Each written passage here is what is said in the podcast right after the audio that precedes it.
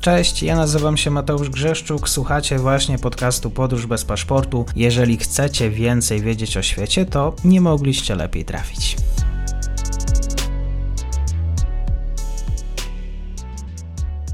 Dzień dobry wszystkim słuchaczom. Dzisiaj mam wielką przyjemność gościć już po dłuższej przerwie Aleksandrę Spancerską, y, Uniwersytet Łódzki, ekspertka do spraw polityki wewnętrznej i zagranicznej Turcji, również y, portal Obserwator Międzynarodowy. Dzień dobry, dziękuję za przyjęcie zaproszenia. Dziękuję bardzo.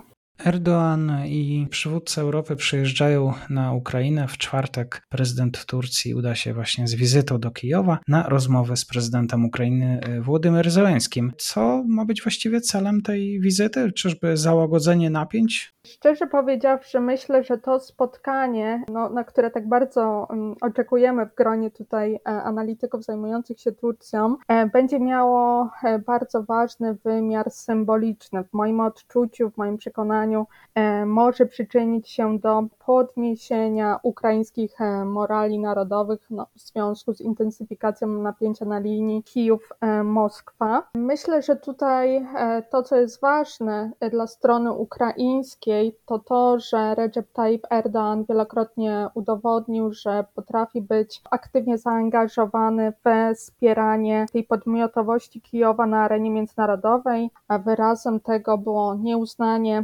dokonanej przez Rosję aneksji e, Krymu.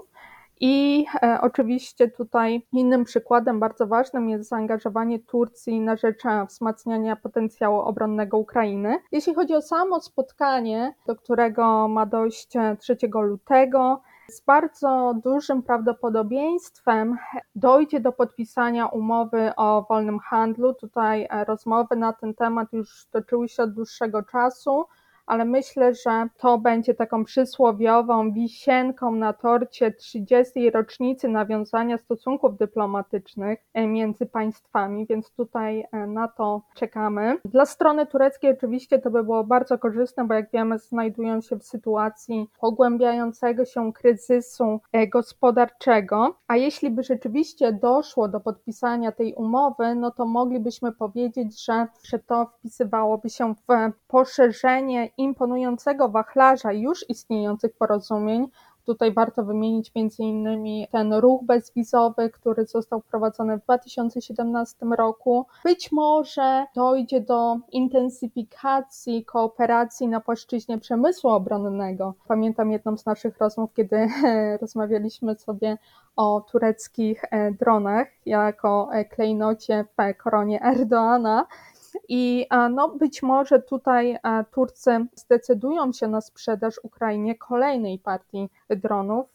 23 e, stycznia firma e, turecka Baykar no, ogłosiła na swoim mm, koncie na Twitterze, że podpisała pierwszy kontrakt na eksport e, drona Akıncı i z doniesień medialnych, do których dotarłam, to właśnie ten dron no, powędrował do Kijowa, więc jeśli e, ta informacja się potwierdzi, to e, moglibyśmy e, tutaj powiedzieć, że to nie jest zwykła transakcja handlowa, ale taki wyraz solidarności i wsparcia. E, a jeżeli właściwie chodzi o tę politykę międzynarodową, czy Moskwa dzisiaj ma jakieś środki nacisku właśnie na, na Ankarę?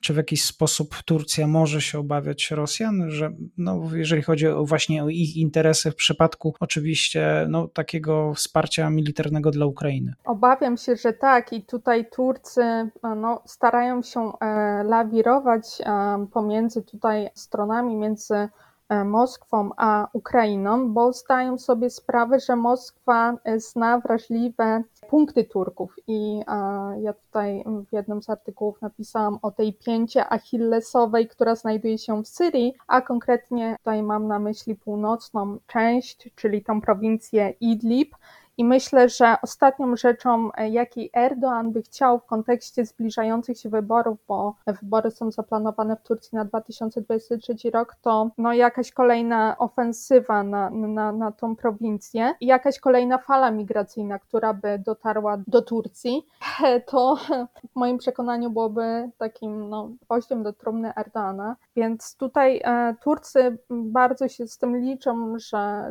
Rosjanie mogą to wykorzystać przeciwko nim. Kolejną kwestią jest to, że Turcy muszą liczyć się z tym, z dostawami gazu z Rosji, a także no, licznymi rosyjskimi inwestycjami, które są realizowane e, na terytorium państwa tureckiego. Tutaj jedną z takich e, dobrych przykładów w moim odczuciu jest elektrownia atomowa w Aikuju, która jest budowana przez rosyjską firmę państwową Rosatom no ale też e, jakby szerszy aspekt geopolityczny, czyli tutaj cała polityka realizowana e, terytorium Libii, ale też na obszarze e, Kaukazu. Wiemy teraz, że mamy do czynienia z procesem normalizacji na linii Armenia-Azerbejdżan. Więc tutaj Rosja jest tym big bossem dalej w tym regionie, więc Turcy muszą się tym liczyć. Myślę, że gdzieś to muszą mieć z tyłu głowy i będą starali się unikać takiej konfrontacyjnej postawy wobec Rosjan, będą starali się no tutaj, o ile będą mogli, no zachować taką neutralność, będą starali się przyjmować tą rolę Honest Brookera. Już w zeszłym roku Turcy zaproponowali taką ofertę mediacyjną skierowaną i do prezydenta Władimira Putina, i do strony ukraińskiej. I e, dopiero w ostatnim tygodniu rzecznik Kremla ogłosił, że Władimir Putin ostatecznie zdecydował się na przyjęcie zaproszenia Recepa Tayyipa Erdoana, ale no, nie wiemy, kiedy ta wizyta dojdzie do skutku, bo Władimir Putin tutaj no, e, ma zajęty harmonogram i też e, ta sytuacja epidemiologiczna nie jest e, najweselsza w Rosji, więc nie wiemy do końca, kiedy do tego spotkania dojdzie. Dużo znaków zapytania pojawia się w tej sytuacji.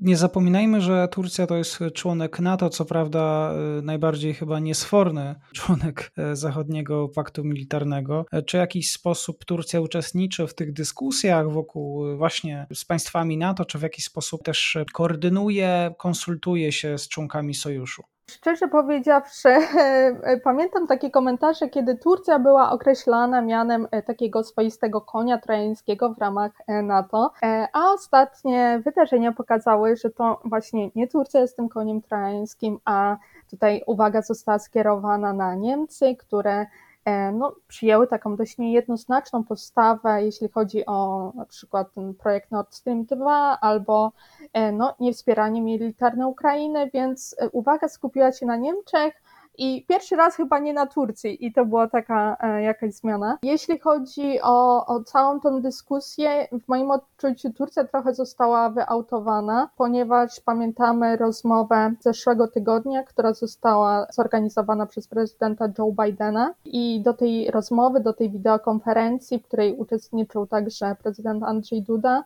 i inni europejscy liderzy, Turcja nie została zaproszona. Więc e, myślę, że to jest jakiś e, znak, że Turcja w moim przekonaniu e, jako posiadająca drugą pod względem liczebności armię NATO powinna być aktywniej tutaj włączana w tą całą dyskusję na temat umacniania i, i, i wzmacniania potencjału obronnego Ukrainy. Myślę, że więcej dowiemy się po wizycie Erdoana w Kijowie. Niebawem zobaczymy też, jakie będą te oficjalne komunikaty. Dzisiaj na ten temat rozmawiałem z Aleksandrą Spancerską, Uniwersytet Łódzki, obserwator międzynarodowy. Serdecznie dziękuję. Bardzo dziękuję. I to już koniec na dzisiaj. Zapraszam na profil podcastu Podróż bez paszportu na Facebooku, Instagramie i Twitterze. Zachęcam też do wsparcia mojej pracy na serwisie Patronite oraz Buy Coffee. Do usłyszenia.